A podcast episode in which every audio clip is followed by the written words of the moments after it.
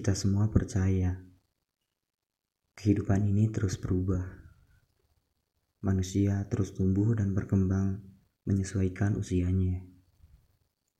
Begitu pula sampah di negeri kita ini terus tumbuh dan berkembang setiap tahunnya, mengalahkan manusia. Halo teman-teman semuanya, saya Aldi Amal Birofik Selamat datang di podcast Apa Adanya. Ini merupakan podcast pertama saya dan kali ini kita akan membahas mengenai kondisi sampah di lingkungan kita.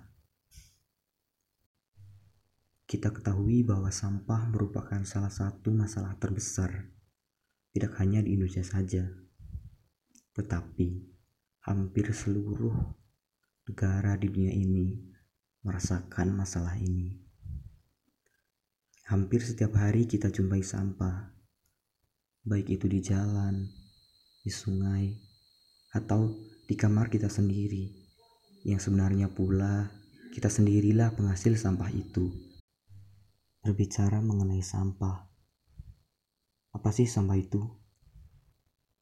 Menurut Kamus Besar Bahasa Indonesia, sampah adalah barang atau benda yang dibuang karena tidak terpakai lagi, seperti kotoran, daun, kertas, dan lain-lainnya. Sedangkan menurut salah satu ahli yang bernama Kodo Atik pada tahun 2003, beliau menjelaskan bahwa sampah adalah limbah padat atau setengah padat dari hasil kegiatan manusia, hewan, tumbuhan, atau kegiatan perkotaan. Sampah di Indonesia setiap tahunnya terus bertambah. Menteri Lingkungan Hidup dan Kehutanan menyebutkan timbunan sampah di Indonesia pada tahun 2020 mencapai 67,8 ton. Dengan semakin bertambahnya jumlah penduduk, diperkirakan akan membuat jumlah sampah di Indonesia terus meningkat banjir, kematian organisme, hancurnya kesuburan tanah, hanya sebagian kecil masalah yang timbul oleh sampah. Masalah besar akan muncul ketika masalah sampah ini tetap dibiarkan mengalir tanpa kita cegah. Sehingga dengan masalah tersebut, kesadaran diri masing-masing adalah hal yang paling penting untuk mencegah sampah merajalela di bumi kita ini. Bisa dimulai dari lingkungan terkecil kita, yaitu keluarga. Apakah kamu sudah menunjukkan hal baik tentang sampah di keluargamu? Mungkin itulah pertanyaan yang akan memulai bagaimana kesadaran diri kita akan muncul terhadap masalah sampah dalam lingkup terkecil di kehidupan kita sedikit demi sedikit, mulai ajaklah keluargamu berpartisipasi untuk mencegah masalah ini.